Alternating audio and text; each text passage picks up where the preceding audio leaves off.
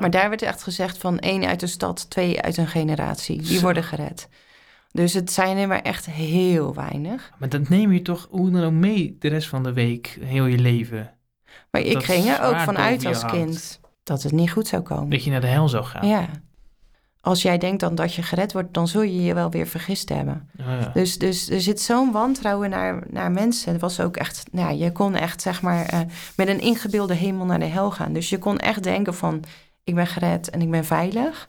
En dan zou je toch nog eh met dus ook, het was gewoon eigenlijk nooit, die angst was er eigenlijk altijd. Ja, ja, ja. Ja, daar ben ik niet, eh, niet, niet, niet vaak vrij van geweest als kind. Nee.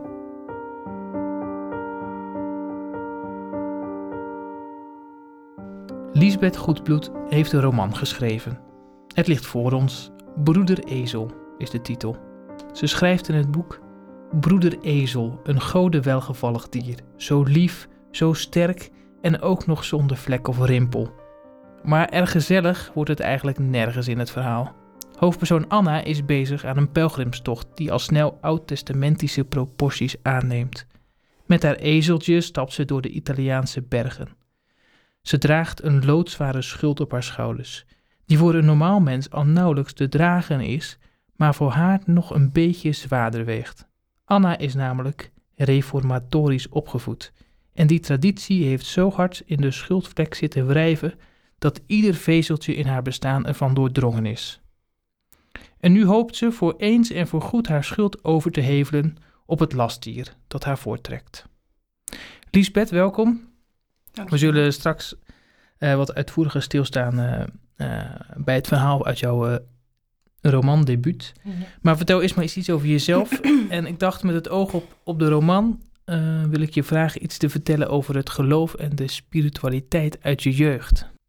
Nou, dat is, dat is ehm, het maakt best wel uit naar, eh, zeg maar, welk, ehm, welk stukje van mijn jeugd ik dan kijk. Want ik heb natuurlijk op verschillende plekken gewoond. En ehm, ja, ook elke sfeer is anders. Eh, bijvoorbeeld ehm, mijn moeders familie. ehm, eh, die zit, het grootste deel zit echt in behoorlijk zware kerken. De gereformeerde gemeente in Nederland. Oud-gereformeerde gemeente een deel. Maar de sfeer was daar zo warm als we naar mijn oma gingen. En eh, ja, dan gingen we bij mijn oom op de boerderij. En alles was buiten. Dus dat Mhm. vond ik ook heel fijn. Dat ik daar wel eh, ja, een, een fijn gevoel aan heb overgehouden. Alleen wat er bij mij gebeurde, was denk ik. ehm, ehm, nou, bij ons in het gezin waren wel echt heel veel dingen aan de hand die niet ja, plezierig of oké waren, waar ik me niet veilig bij voelde. Ik wil daar verder niet te veel over zeggen, hoor. Mhm. ik het even hierbij laten. En ik denk zelf dat de combinatie van zo'n heel zwaar geloof, waar eigenlijk toch wel heel weinig blijmoedigheid in zit, en dat er dan van alles aan spanningen speelt of zo. Dat ik, en, en natuurlijk ook mijn karakter, dat ik de neiging heb om veel na te denken. En ja, dat ik veel zie, denk ik ook wel.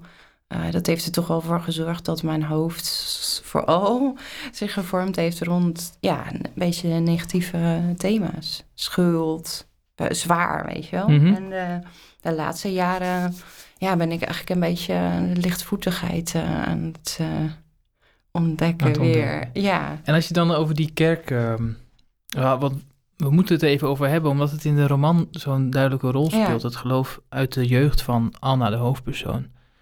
Eh, en dat is iets. Dat kun je niet verzinnen. Als je dat zelf niet doorleefd hebt, kun je dat niet, denk ik, Nee, verzinnen op die nee. manier. Dus het is, daarin zien we, denk ik, een deel van jou ook eh, terug. Neem ons eens mee naar zo'n kerkdienst. Want ik denk dat veel luisteraars geen idee hebben wat de gereformeerde gemeente misschien al is. en Nou dan ja. helemaal niet hoe het daar naartoe gaat. nou sowieso wordt de Statenvertaling gelezen. Mhm. Dus dat is de vertaling uit 1637 uit Ja, mijn hoofd. ja, eh, nou ja, ik vind dat een schitterende tekst. Eh, ja, heel, eh, dit is heel beeldend, zeg maar. Mhm. De meeste andere Bijbelvertalingen zijn toch wat, eh, wat meer communicatief, terwijl de Statenvertaling echt eh, poëtisch is. Hm. Dat vind ik heel mooi. Eh, maar het is dus alleen de Statenvertaling en een, ja, elke dienst heeft zo'n vast stramien. Ehm, de preken zijn echt lang, een uur minstens. Eh, in de kerk hangt weinig tot geen versiering of beelden. Of nou ja, niet eh, dat je Maria Nee, Jezus nee. voor in de kerk hebt of zo. Maar het is echt kaal. En er wordt alleen maar de psalmen worden gezongen. En dan op hele noten. En dan ook in een berijming uit de... Die is uit de 18e eeuw. Oké, nou dat is Ja, dus mo- moderne oude berijming. taal. Ja, en serieus, echt wel serieus gedachtegoed. En Maar Kun je daar iets meer over zeggen, dat gedachtegoed dan? Waar gaan die preken over? Wat- Je had het net al even over zware thema's, zoals schuld en... ja, nou, het is heel boeiend. Want het is soms heel lastig om aan mensen uit andere kerkstromingen zelfs al uit te leggen... wat er precies in de gereformeerde gemeente, voor mijn idee dan hoor, gebeurt. Mhm. Dat een tijdje terug moest ik bij een boekhandel optreden. En toen eh, daar zaten vooral mensen uit de gereformeerde kerk. En die hebben meer een soort van, ja, hoe zeg je dat, bijna samenhangend beeld van God en van de wereld. En van, het is een systeem Ja, meer, de ja. theologie als systeem. En in de gereformeerde gemeente en, en ja, zeg maar meer bevindelijke hoek ehm, is het meer eh, nou, bijna een soort van gevoel of een soort taalspel of een, ja, een la van woorden die je opentrekt. En dan kan je willekeurig, eigenlijk in willekeurige volgorde, zinnen uit aan elkaar plakken. Die, die gebeden van vroeger, zeg maar, was ook gewoon, ja, er zat niet echt een opbouw in. Er zat niet een idee achter, maar dat was gewoon die taal. En wat is dat voor taal? Kun je een Dat laadje opentrekken? Oh, dat is heel lastig om dat even aan te zetten, want dat heb ik al zo lang niet meer gesproken. Ah, moet ik even denken. Even denken hoor. Gij die de hemelen hebt tot uw troon. Ik doe nu even een Mhm. begin van een, eh, Ja, van een gebed. Wat een, wat de ene ouderling in de, oud, in de gemeente van Nederland, in Nederland heel vaak bad. En dat is... eh, Heilig en grootmachtig God, gij die de hemelen hebt tot uw troon en de aarde tot een voetbank van uw voeten. Laat het niet kwaad zijn in uw heilige ogen dat wij ons onderwonden hebben tot u te spreken, terwijl wij stof en as zijn. Nou ja, en zo gaat dat dan soort door en door en door. En hij dus zegt... eigenlijk allemaal bijbelteksten, Mhm. achter elkaar gezet vaak ook. Want dat, terwijl wij stof en as zijn, dat is Ja. dan weer Abraham, geloof ik, die dat zegt. En eh, ja... Maar wat gebeurt er dan in zo'n gebed in de positionering van de mens ten opzichte van de God die dan wordt aangesproken? Ja, het, het is heel erg. eh, God, ehm, God is heel hoog en jij bent heel. God is heel groot, jij bent heel klein. Mhm. God is heel hoog, jij bent heel laag. Ja, het is heel, ehm, heel beklemmend. Ik heb volgens mij ergens in het boek een, eh, een scène geschreven over Anna die dan met een hoedje op in de kerk zit. Mhm. En dan eh, dat, dat gevoel van dat hoedje, dat fysieke gevoel, dat, ehm, ja, dat vind ik wel heel erg passen bij eh, de hele sfeer die die taal oproept. Dat heel naar beneden drukkende en eh, beklemmende. En waarom gebeurt dat? Waarom gebeurt dat? ja, als ik heel streng ben, dan zeg ik, het lijkt wel een bijna een ritualisering van de angst. Mhm. Maar ehm, ja, dat vind ik ook weer heel streng. Ik, ik, heb dat, ik zie dat zelf wel voor een deels zo. Het is soms net alsof je zeg maar dan. Want, want heel veel mensen, ik kon dat zelf niet, maar heel veel andere mensen konden dat wel. Toch een vrij vrolijk en goed leven leiden. En elke zondag in die gemeente zitten. Maar ik, ja, bijna het gevoel alsof zeg maar negatieve menselijke emoties als schuld en ehm, gevoel klein te zijn en eh, angst voor verantwoordelijkheid. eh, alsof je dat een soort van ehm, door dat allemaal de, alle tegendelen dan bij God weg te leggen, dat jij ook geen verantwoordelijkheid hoeft te nemen of dat je geen, ja, zo, zo heb ik het wel ervaren. En wat bedoel je dan dat jij geen verantwoordelijkheid kunt nemen? Nou, als jij eh, per definitie al bij voorbaat vaststaat dat alles wat jij doet zondig is, Oh, want dat hoef is, je dus ook geen het- pogingen mee te doen. om dat is wel het beter te doen. uitgangs, dat is het uitgangspunt. Ja, voor mijn idee wel. En ehm, eh, nou ja, niet alleen voor mijn idee. Het staat gewoon in de... Dat, dat, dat is echt wel ook wat actief beleden wordt. Eh, de mens is onbekwaam tot enig goed en geneigd tot alle kwaad. Dus eh, ja, en denken dat je, dat je iets goeds kunt doen... of dat je iets beter kunt doen dan iemand anders... of dat je ja, dat je, kunt, dat je een bepaalde zonde zou kunnen afzweren of uh, iets slechts zou kunnen laten, dat is al een vorm van hoogmoed. Hm. Wat Dus ook logisch is... is- want je kunt er eigenlijk toch niks goeds doen. Dus als je wat dan doet, dan zou dat ook wel weer zonde zijn. Ja. Wat, wat hopen Ja. die mensen dan in de kerk te vinden? Ja, ik denk, ik weet het niet. Ik, ik weet wel wat ik er zelf vond. Ehm, want het is niet allemaal negatief wat ik daar vond. Ehm, maar ik, ik weet niet of dat voor andere mensen ook zo eh, is. Ik, wat ik denk is dat er een verschil zit tussen... dat, het, dat, het, ah, dat er een verschil zit tussen hoe mensen het naar binnen halen of zo.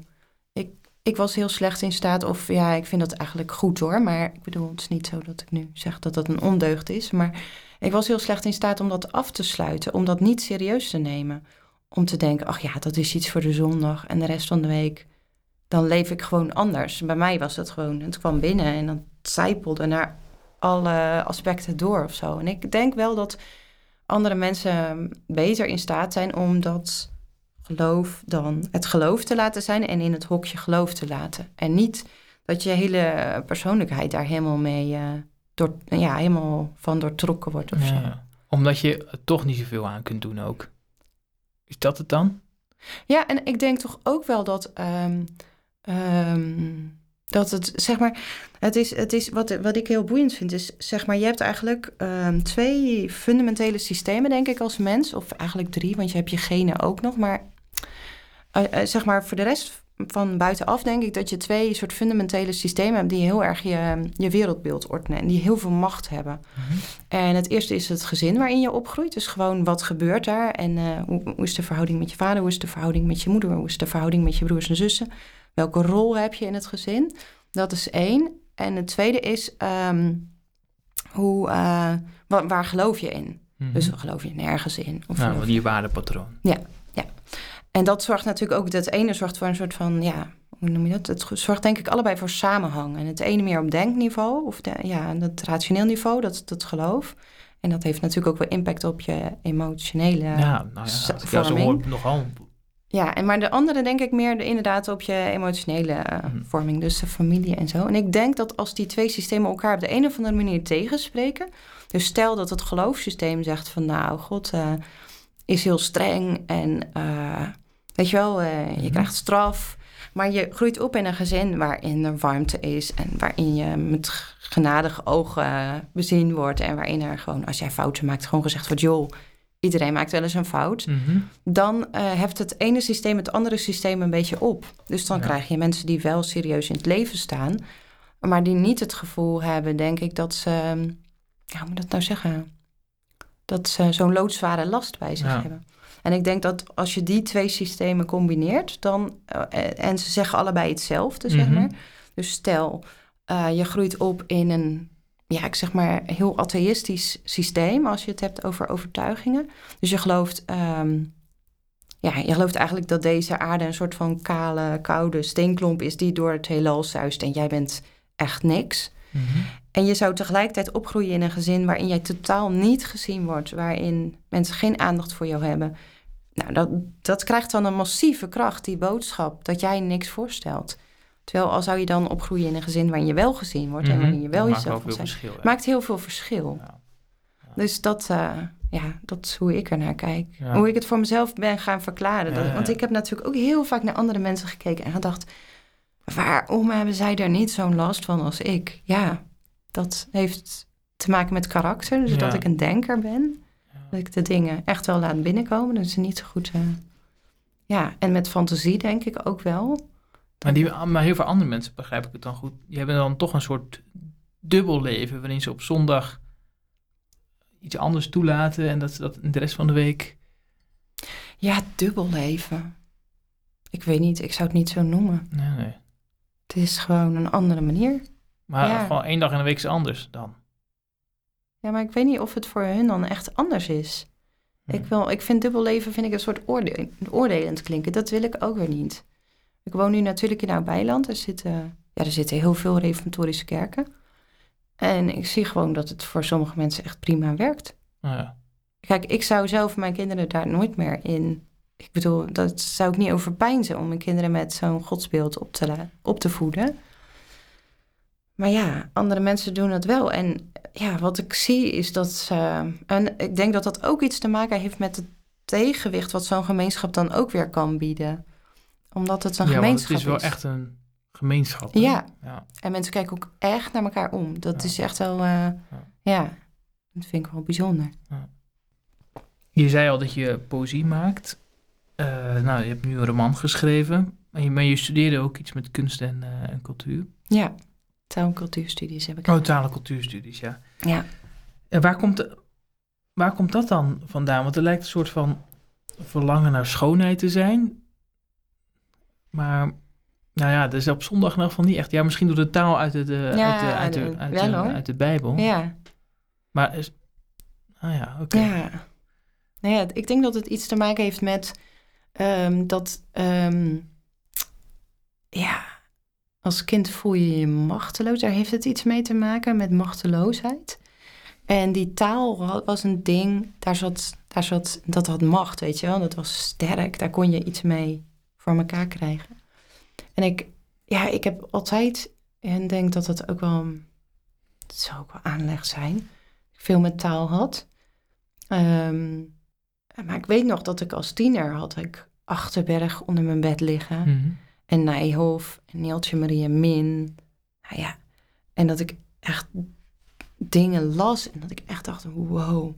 Dat is zo, zo, daar zit zo'n kracht in, in die, in die taal. En dat ik gewoon dacht, ja, dat wil ik ook kunnen. Dus taal was natuurlijk, taal was sowieso een enorm ding in, in, in mijn jeugd. Het was niet een soort van, Omdat, het was geen klein dingetje. omdat Ja, de talen Kanaans, daar herken je elkaar aan. Ah, Daar herken je aan of iemand, als je dat spreekt, dan hoor je erbij. En, en eh, hoe bedoel je als je dat spreekt? Want spraken jullie dan onderling een ander soort taal dan wij nu met elkaar? Nou, wij maakten het- thuis wel een ander soort grapjes, denk ik. Ah, Ja. Bijvoorbeeld, eh, ja. Dan, eh, als, als er dan iemand kwaad was of zo, weet je wel, dan zei mijn vader, is uw toorn billijk ontstoken? Ja. ja, dat soort dingen. maar niet, ja, niet gewoon in het dagelijks leven. Het was Nee, wel echt nee. een taal gereserveerd voor het geloof. Maar het werd wel een beetje voor grapjes gebruikt. Ja. Maar het klonk ook vaak dan, die taal van het geloof, aan tafel. Of, eh, Ja. Ik bedoel dus met bijbel lezen en dat Ja. soort dingen. Heel vaak. Ja. Heel vaak. Heel vaak, ja. En je werd er niet zat. Ik vond het vroeger nooit zo prettig volgens mij. Het luisteren naar de bijbel als eruit wordt voorgelezen. werd ik het zat? Nou, ja.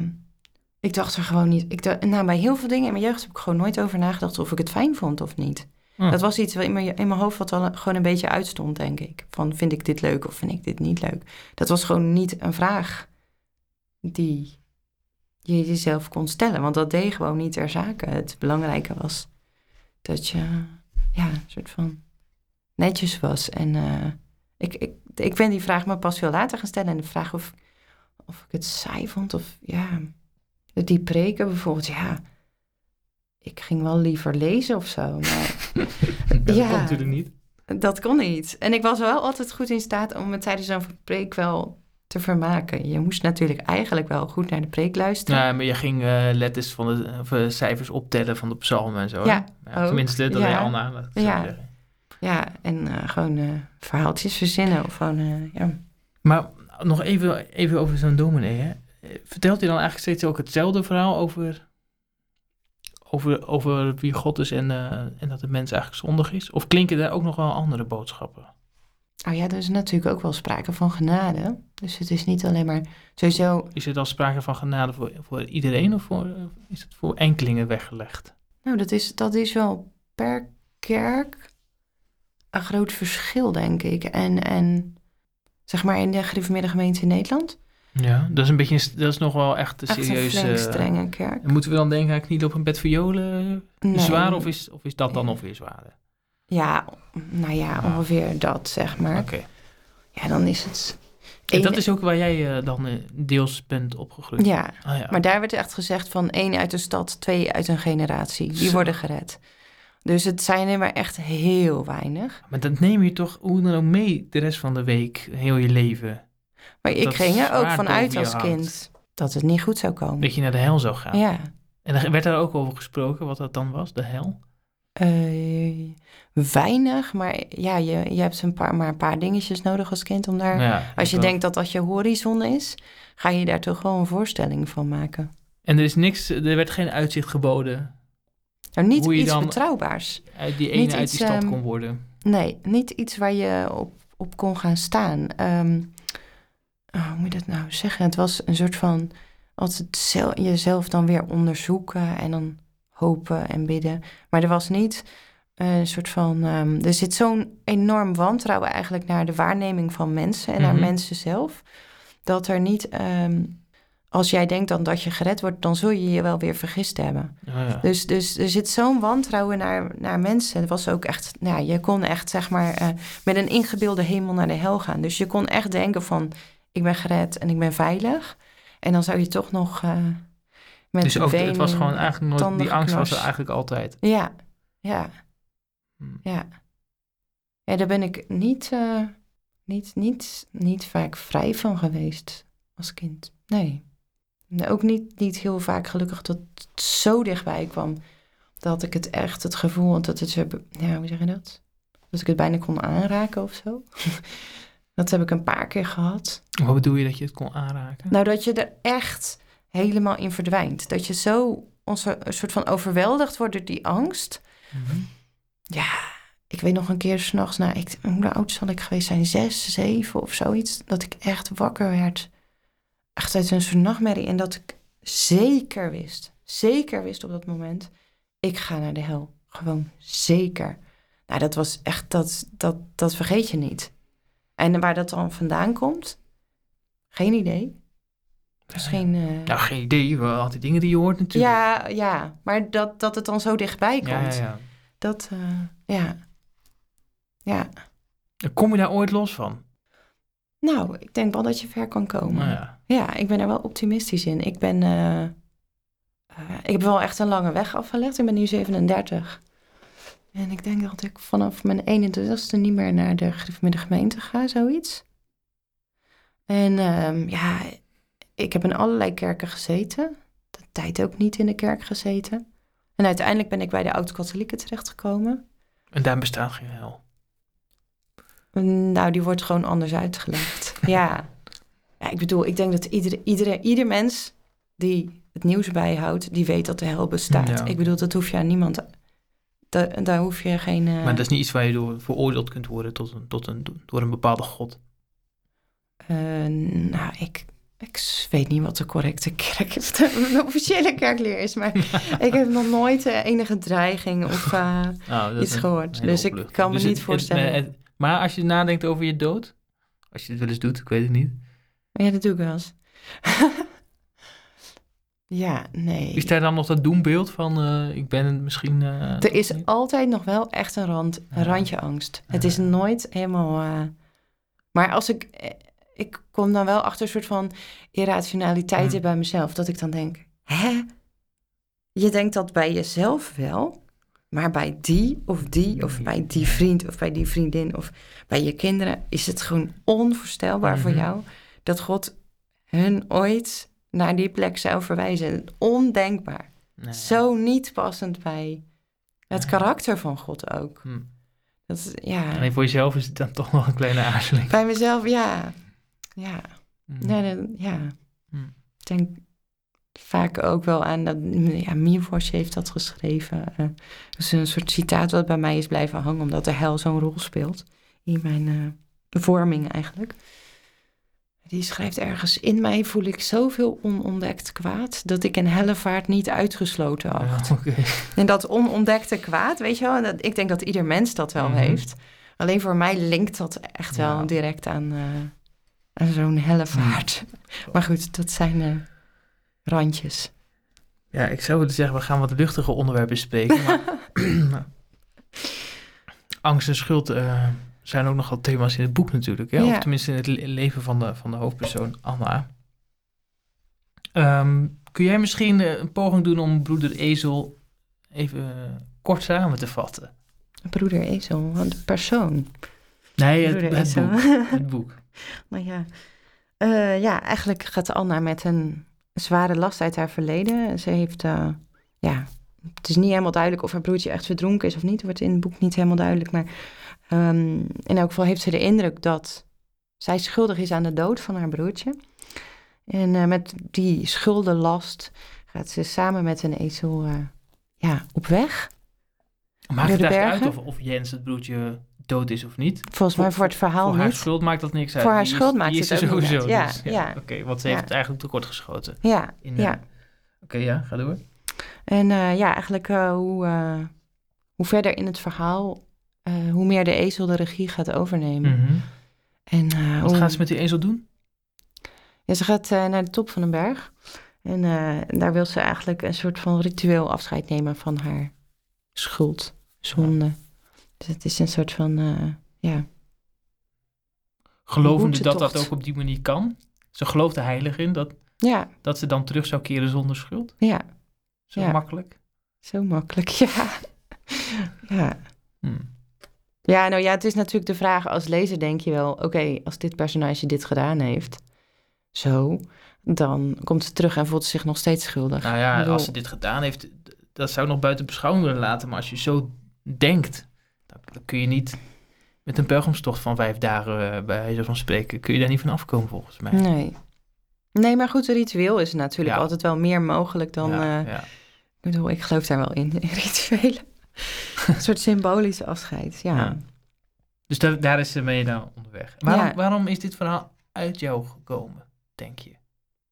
Nou, ik vind het wel grappig dat je zegt van het is niet lichtvoetig of luchthartig. Of uh, dat is natuurlijk ook zo, het is een serieus thema. Ja.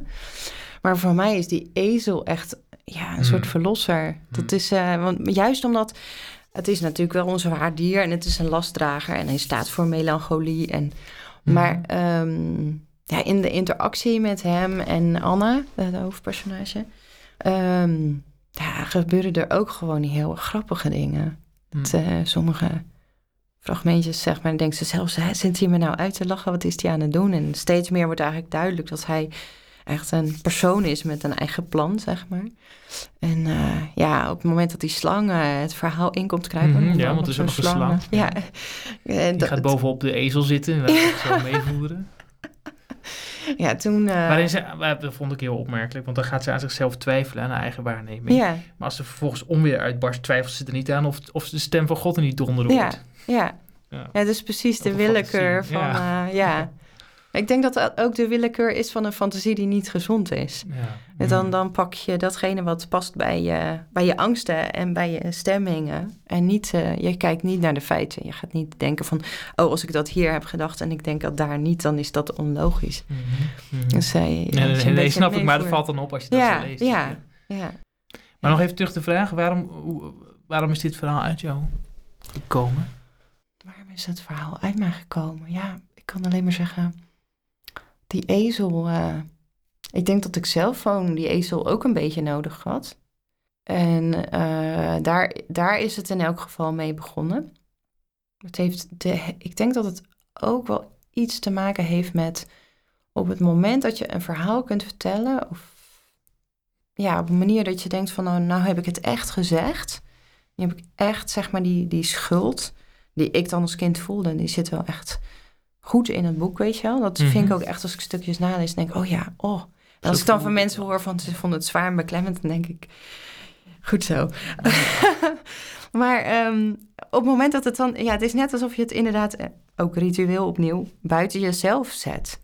Mm. Uh, doordat het dan op papier staat en, en tussen twee kaften zit, zit het niet, niet meer alleen in je hoofd. Ja. En dan heb je er ja, via de taal heb je er dan macht over. Want ja. jij bent degene die het zo op kan schrijven, mm -hmm. dat, dat het er echt staat. En dat, dat, ja, dat is wel een van de redenen, denk ik, waarom dit verhaal uit mij gekomen is. Ja, ja ik, had, ik had eigenlijk opgeschreven dat als vraag dat ik het. Ik, ik kon het boek goed lezen, alleen ik kon me, ik kon me eigenlijk niet verplaatsen in Anna. Oh ja. Omdat die, dat schuldgevoel zo massief en buiten, ja, voor mijn gevoel, buiten proportioneel is. Ah, okay. Maar nu begrijp ik het wel een beetje beter, ja. denk ik. Kijk, Anna, in het boek, Anna, ja, God is eigenlijk voortdurend wel ook een soort onderdeel van wie, wie zij is. Ze spreekt ook met hem, maar ik kan de toon niet zo goed duiden. En ook niet de relatie die ze tot die God heeft, want het lijkt aan de ene kant hij zit wel volledig onder haar huid. Alleen ze is hem eigenlijk liever kwijt dan als ze hem rijk is. Dus ik proef een soort van min, minachting. Ja, een soort minzame toon ook als het Ja. over God heeft. Ehm, ze er, is, er is nou geen verwondering of bewondering of liefde voor God eh, Nee. in, in haar, denk ik. Oh, nee, ze slaat daarin heel snel om. Dus er zit er eerst een enorme angst. En daarna komt een enorme boosheid. Ja, een soort opstand. Ja. En pas daarachter zit dan nog ja, iets anders wat ik niet heel erg ja, heb laten zien of eh, Hm. eh, wilde, ook niet wilde verwoorden eigenlijk. Nou ja. Dat, eh, ja, dat wordt Maar als je Anna zou kunnen positioneren op een soort van kerkelijke of gelovige schaal, of in het proces van ontwortelen, want volgens mij is daar wel mee bezig dat ze klaar is met die, met die kerk. Waar bevindt zij zich dan? Nou, ze zit er nog wel helemaal in met haar hoofd. Maar ze wil daaruit. Ja. Een soort van die struggle, denk ik. Hmm. Dat je inderdaad, dat je iets in, in je hebt, onder je huid, zeg jij, waar je vanaf wil. Of een soort jas misschien, eh, die je eventueel kunt. Nou, zo, ja, dat, ik denk wel dat het voor sommige mensen zo werkt. Dat ze makkelijker gewoon inderdaad een jas, als een jas het uittrekken. Maar ik denk dat dat voor dit personage niet zo Ja, of misschien moet, is het handiger om, om in dit geval gewoon over jou te hebben dan, want, want ergens heb jij ook dat proces meegemaakt. Ja. Nou, ze begon met. Ja, dat klinkt heel stom, maar eh, ik zat op een, ook een hele zware studentenvereniging en daar le- lazen we het volledige werk van Calvijn. Dus dat heb ik ook gelezen. Gewoon Ja. de Inquisitie, deel 1, 2 en 3. Dikke pillen, zeg maar, alleen maar theologie. Institutie. De institutie, ja. Die heb ik gelezen. Nou, dat ga je dan lezen. Je komt uit de gereformeerde gemeente. Je hebt een idee van wat Calvijn zou vinden. En dan ga je dat lezen en dan denk je... Zo, die Calvijn was relaxed. Het was echt veel beter. Die geloofde gewoon dat, dat, dat, je, dat er nog iets van betrouwbaarheid of berekenbaarheid in God was. En eh, ja, dat was totaal anders. En Hm. daar ben ik best wel van, van de kaart geweest. Ik had echt het gevoel dat het tegen me gelogen was gewoon. Ik dacht echt, hè? Hoe kan het nou dat iedereen dan zo over Calvijn Hm. zit van... oh, dit is zo'n geweldige theoloog, maar... Maar niemand heeft hem ooit gelezen. Ja, nou ja. Ik, ze nemen hem in elk geval niet serieus, dacht ik. En ehm, ja, ik ben toen in dezelfde tijd door ehm Rien van den Berg gevraagd voor Psalmen voor nu. Hm. En ehm, ja, dan ga je natuurlijk... eh, ik ben, als dichter heb ik toen eh 21 psalmen, geloof ik, voor mijn rekening genomen. En ja, dat was ook heel veel grondteksten, gewoon heel goed lezen. En dan, ja, dat was ook een soort enorme eye-opener van... hè, die psalmen zijn niet alleen maar een soort emotionele gevoelsuitstortingen... van mensen die heel hard hopen dat ze misschien ooit nog gered worden... En die gekweld worden door zonde en schuld. Nee, het gaat gewoon over mensen die, die willen dat ze eerlijk behandeld worden. Weet je, want je gaat dan heel erg naar, eh, ja, hoe zeg je dat? Ehm, ja, die Hebraïci, die legde die teksten echt gewoon heel erg, eh, ja, zeg maar zonder eh, een interpretatie Mhm. las je zo'n tekst. En, en op een gegeven moment dacht ik, ja, maar daar klopt helemaal niks van. Nou ja. Want dat is helemaal niet de bedoeling. Dat is dus een enorme laag theologie overheen gegaan, die dan misschien ook weer eens niet, niet eens zo Calvinistisch is. En, en de vraag wordt dan natuurlijk ook hoe bijbels het is. Hm. Eh, tenminste, niet dat Calvinisme en Bijbels zijn me- logisch met me- elkaar samenhangen hoor, voor mij. Maar goed, op het moment dat zoiets bazaals van we noemen ons Calvinisten, maar we zijn het eigenlijk helemaal Nee. niet. En, en, en dat, dat je dan denkt van ja, je noemt jezelf een Bijbels christen, maar ben je dat dan wel? Nou ja. En ehm, ja, de- daar, daar hoorde. Ik ben, ik ben de Bijbel toen gewoon heel anders gaan lezen, veel nuchterder. Eh, en, en dan, ja, je ziet dan ineens hele andere lijnen ontstaan. En dat je dan echt denkt van, hè? Weet je, het, het hele eh, theologische, of nou ja, er is niet echt een theologisch systeem, maar in elk geval wat er aan theologie was, dat, dat viel uit elkaar. En ondertussen, eh, ja, ging ik eerst naar de christelijk gereformeerde en toen naar de vrijgemaakte tijd en bij de Nederlands gereformeerde en PKN. En dan heb je gewoon een wat nuchtere benadering ook van de Bijbel. Eh, hoe moet je dat nou zeggen? Als je bleef wel gaan. Ergens is dat... Want ik ken ook wel wat, wat reformatorische studenten uit mijn studententijd dan. En dat is echt een soort tweedeling. De, de ene helft die bleef gewoon, die ging terug naar, bij wijze van spreken, het dorp waar ze Ja. vandaan kwamen, of een soortgelijk reformatorisch dorp, en ging gewoon mee in die. En die anderen, die konden er gewoon helemaal niks meer mee. Ja. ja. Maar echt veel tussenweg. Nou, ik ken toch ook wel veel mensen die, ehm, die wel de tussenweg gevonden hebben. Nou ja, dus die Van, hebben eigenlijk eh, wel eens, wat hebben die dan gevonden? Die dan eh, zeg maar wel afscheid hebben genomen van. De, dus ze, hebben, ze geloven wel, Hm? maar wel op een totaal andere manier dan die manier. Ik- Ander geloof. Ook. Nee, nee. Ik ken bijvoorbeeld drie ex-revo's, minstens, die oud-katholiek zijn geworden. Nou ja. Dus dat, en dat is echt een totaal andere manier van geloven. Ja. Het is gewoon eh, liefde en barmhartigheid. En daar gaat is een het ander over. geloof dan. Het is echt een ander geloof. Ja. Het is echt een ander geloof. Ja. Ik, ik, vind, ik, ik vind dat vrij hard om te zeggen. Maar als, ik- als ik terugdenk aan de God van mijn jeugd... En, en zeker aan hoe sommige mensen dat beleefden... ik zeg niet iedereen, maar hoe sommige mensen dat beleefden... dan, dan kijk ik ernaar en denk ik echt... ja, wij dienen niet dezelfde God. Het, Nee. het is gewoon niet zo. Nee. Dat, Het, ja. gewoon, het godsbeeld is totaal anders. ja, maar er zit ook, ook eigenlijk hoegenaamd geen overlap meer. Is, Je Mhm. zou nog kunnen zeggen van... oké, jij legt meer nadruk op dit stuk... en ik leg meer nadruk op dat stuk... Maar ik erken wel dat dit stuk bij jou wel klopt. En weet je wel zo? En omgekeerd. Maar dat, dat, is, er, dat is er dan ook nog niet eens. Eh, ik bedoel, je kan best wel wat ernstiger in het leven staan dan. eh, of wat serieuzer over God denken dan de gemiddelde oud-katholiek. Maar als je dan nog steeds gelooft in genade en. eh, en, En ik vroeg me eigenlijk wel af, toen ik wel een beetje over, niet zozeer tijdens het lezen, maar toen ik nadacht over hoe het dan eventueel zou kunnen zijn als je reformatorisch bent. Hoe, hoe keek je dan tegen de persoon van Jezus aan? dit was een soort rare. Die, ik had altijd het gevoel van. Als ze, als ze hun eigen geloof echt serieus nemen, sommige mensen dan, hè, dan, dan denken ze niet dat Jezus bekeerd was. Om maar even zo te zeggen. Sure. Want dat was een soort van eh, vreemd. Ja. Ik weet ook nog dat ik het ja, als kind een soort van dat het me ook tegenstond of zo. Jezus is natuurlijk wel heel erg een soort van ehm, iemand die totaal onafhankelijk van mensen zijn, zijn, zijn weg ging. Mhm. En dat vond ik als kind, vond dat een soort van, ook wel een beetje eng. Ja, het was niet een soort van dat ik bij Jezus dacht van, nou, dat is eh, echt een veilige plek of zo. Ik heb die veilige plek meer gevonden in teksten. Mhm. Dus in de psalmen. Ik had als kind heel veel met de psalmen. Ehm, maar ja, als je het dan hebt over... Maar, als, als, als, maar Jezus als afspiegeling of als beeld van God, van zo is God. Ja, is nooit echt heel erg doorgedrongen bij mij. En daar ging, ging het dan ook wel eens over Jezus in de kerk. Jawel, Ah, dat wel. Jawel. Jawel. Maar ik kan me ook niet heel helder voor de geest halen hoe dat dan ging. Wel dat er dan inderdaad...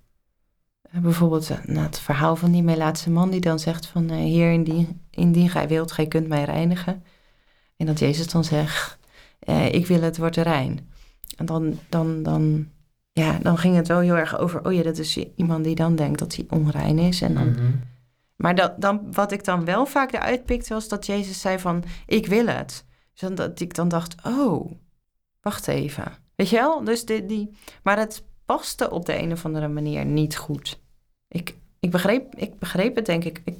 Ja, ik weet niet. Ik merk dat ik het lastig vind om dat te formuleren. Ja, ja. Ja, ik had ook niet, ik kan me niet herinneren dat ik echt met de, ja, dat ik, dat ik er echt wat mee had of zo. Dat ik het, ja, Is dat veranderd?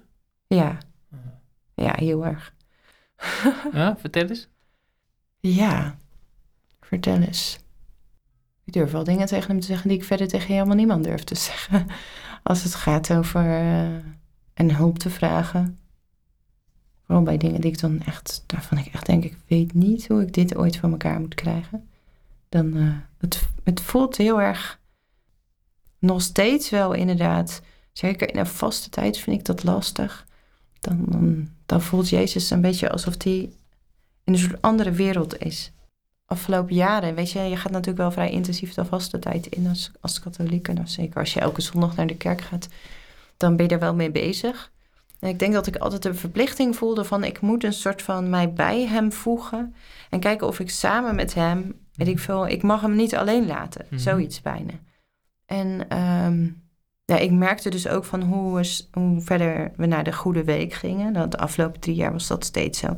Hoe, ja, ik merkte eigenlijk dat ik het niet aankon. Dat ik een soort van ook labiel werd. En, en uh, ja, gewoon, uh, dat, dat, zeg maar, Goede Vrijdag en Stille Zaterdag. Dat waren echt soort van dagen dat alles zwart was voor mij ook. Ja. En dat ik echt dacht, dit jaar heb ik echt tegen mezelf gezegd... Lees, zo diep hoef je daar helemaal niet door te gaan. Dat, dat, dat heeft hij al gedaan. Hmm. En je hoeft niet op die manier... Ik denk niet dat dat de bedoeling is. En ik, dat heb ik wel, dat dacht ik wel een soort van. Maakte allerlei vergissingen. en dat geeft dan ook weer niks. Nee, en dat geeft dan ook weer niks. Het is ook geen zonde. um, in de Nederlandse literatuur heb je natuurlijk heel veel van die nou ja, keiharde afrekenboeken met de reformatorische jeugd. Ja. Ehm, ja, dit boek is denk ik geen afrekenboek. Ook niet echt een aanmoedig boek. Ehm, maar als je, ik zat te denken, als je nou Anna neemt en je telt nog eens tien jaar bij haar leven en haar ontwikkeling op, kan het ook bijna niet anders of ze, of ze heeft gewoon keihard, wel keihard gebroken met, dat, met die wurggreep. Met die wurggreep wel, ja. Weet je, als je er zo stuk aan gaat, aan het dienen van die God, ja, dan moet je daar ook natuurlijk ogenblikkelijk mee stoppen. Ja, maar moet je dan... Uh, als dat lukt, hè? Ja, ja, ja. zo'n dat stopproces is heel, dat gaat in stapjes. Ja, maar... in stapjes, ja. Maar als zij, of als jij dan dus terug, had dit, is dit boek misschien, dacht ik achteraf, niet te mild? Nee. Als je ziet hoe, hoe ik denk juist, het eigenlijk ook haar maakt. Nee, ik denk juist dat, dat een boek waarin, en zeg maar, heel veel van die afrekenboeken gaan natuurlijk over, uh, ja, toch een beetje het niveau, uh, ze zien er gek uit. Uh, ze weten niet hoe de wereld in elkaar zit. Uh, weet je, allemaal buitenkant argumenten. Mm. En ik denk dat ik met dit boek laat zien hoe die manier van denken een geest echt, nou, mm. verwringt, mm. verknipt. Uh, dat, dat er gewoon helemaal niks meer van iemand overblijft. Ik denk dat dat, dat, dat de heftiger is. Dus is het dan misschien toch een soort afrekenboek? Omdat je gewoon laat zien wat het, wat het met een mens, met een jonge vrouw kan doen. Ja, maar ik vind afrekening. Ik, eh, afrekening zit natuurlijk in hoe de auteur. Ik heb het nu even over wat er in het boek gebeurt. Afrekening zit natuurlijk in wat de auteur beoogt. Mhm. En dan denk ik, ja, ik hoef niet. Weet je, ik wil wel. Ik hoef niet op geen enkele manier duidelijk te maken meer dat ik daar niet meer bij hoor. Want dat weet iedereen al. Mhm. Ik, ja, dus in die zin is het geen afrekening. Ik vind ook dat in het woord afrekening zit, zit iets te veel een soort wraakname. Mm Nou, nee, is, ik moet wel zeggen dat ik paar woordjes erin gestopt heb waarvan ik dacht, oh lekker, dat is gewoon leuk om op te schrijven. En maar dit is dan een kleine wraak, zeg maar. Maar um, ja, en dat, dat gun ik mensen ook weer niet. Want het is niet zo. Weet je, het is niet zo dat, dat, dat de mensen die in die wereld zitten, dat die denken van, nou, leuk, heb ik lekker een zwart godsbeeld, mm. gezellig. Het is ook gewoon een soort van angstval in je hoofd waarin je vastzit. Dus, dus de mensen daar zijn ook niet blij. En, nee, maar je eh, kunt dan toch, als je daaruit bent, toch wel een bepaalde woede ook daarover hebben. Dat, ja, misschien heb je daar ook niet veel aan, maar ja, dat is ook gewoon een emotie. Dat jou dat, dat je, dat jou dat moest overkomen, of dat je, mm, met, alle, met alle nuances die je ook aanbrengt over de warmte die er is in, in die eh, gemeenschappen, maar... Nou, mijn woede zit heel erg, denk ik, in het stukje en dat zie je in dit, dit verhaal, komt dat gewoon niet heel erg naar voren. Van hoe durf je zo over God te spreken? Hmm. Hij heeft, als we het geloven, als we de Bijbel echt serieus nemen, dan heeft hij zijn eigen kind opgeofferd.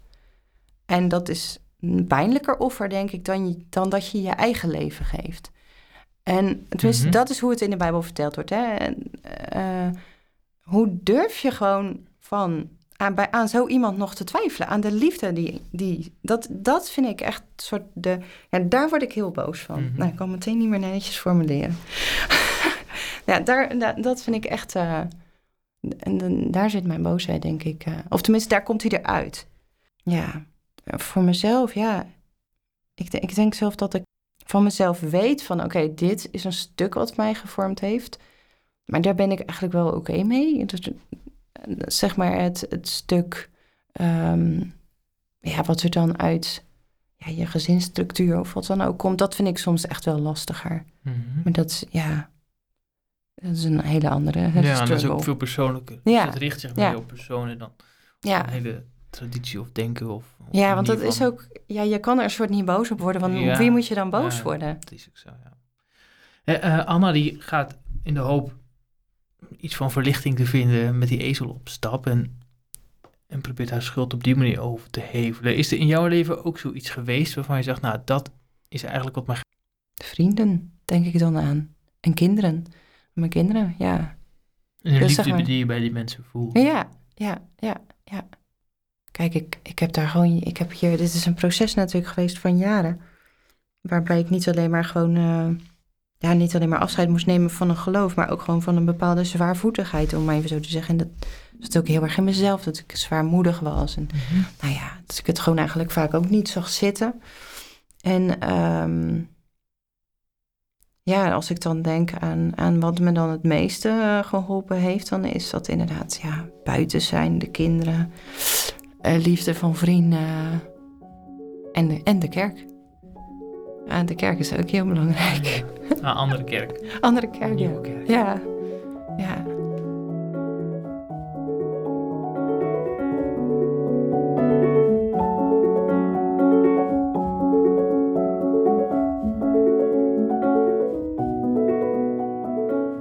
Op zoek naar meer verdieping en inspiratie? Vind onze essays, meditaties, columns, interviews, video's en podcasts op www.igniswebmagazine.nl.